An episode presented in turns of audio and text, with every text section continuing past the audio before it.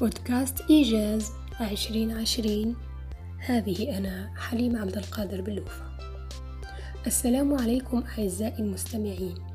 في أول حلقة من الموسم الأول لبودكاست إيجاز عشرين عشرين. حياتنا ليست خطا مستقيما يصل بين نقطتي البداية والنهاية. إننا في كل شهيق وزفير ننتهي لنبدأ.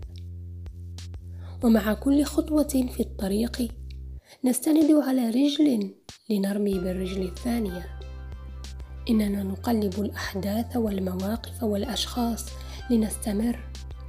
تماما كما نقلب أوراق كتاب نرفع الورقة نقلبها نبدأها من أعلاها ونسير معها سطرا سطرا إلى أسفلها. نتوقف عند نقاطها. نتريث عند فواصلها ونواصل المسير ما دام في النص بقية. نص نحن نكتبه ونحن نكتشف أفكاره لأنه ببساطة يمثل الحياة. نصنا اليوم لم نقتطفه من كتاب بل أخذناه من مدونات الأستاذ محمد علي على صفحات الفيس. وسوف نترك لكم الرابط لمن أراد الاطلاع عليه. ذكرنا الأستاذ محمد علي بداية بأنه لا شك أن في تربية الأبناء تربية صالحة أجر عظيم وأساس متين لقوام المجتمع والأمة ومن مبدأ الأجر على قدر المشقة كان لزاما على أي مرب التحلي بسر نجاح التربية الذي هو الصبر الذي يتراوح بين المشقة حينا والمتعة حينا آخر على ضوء التحكم بمهارات التربية الحديثة. فيتطرق الكاتب إلى الأسباب التي تجعل المربي يقف عاجزا أمام مصاعب التربية متعبا من تصرفات أبناء هذا الجيل يعاني من ارتفاع الضغط منجرا إلى ما يسميه علماء التربية بردة الفعل كالصراخ والضرب اللذان يمثلان إعلانا للفشل أمام الأطفال. بدلا من أن يتحكم بزمام الأمور فكيف يتمكن المربي من التغلب على هذا الإشكال؟ أورد صاحب المقال جملة من العناصر للإجابة على هذا السؤال. أولها الحوار. ويوصينا بتعويد أبنائنا ما داموا صغارا على الحوار. وألا نقول بأنهم ما زالوا صغار فسوف يتعودون عليه وسوف يكبرون ويكبر الحوار كجزء منهم. ثانيا لا تظهر عدم رضاك.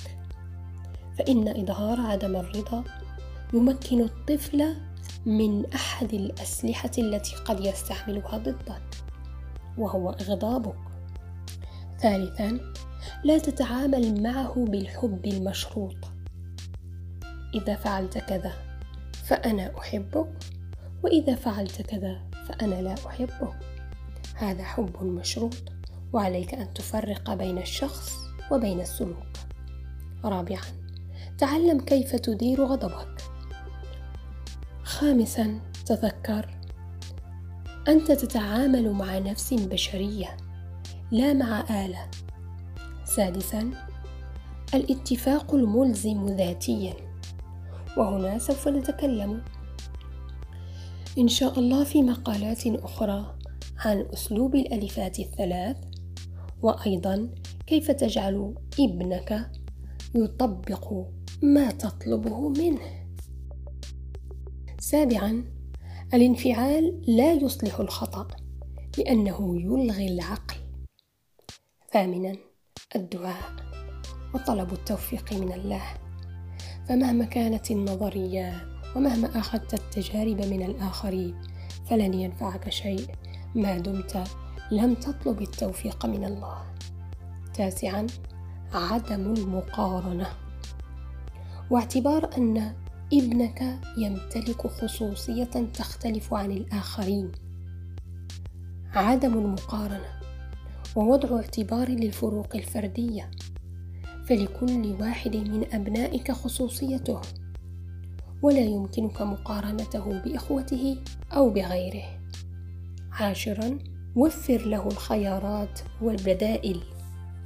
ولا تلزمه. إما افعل كذا ولا تفعل كذا.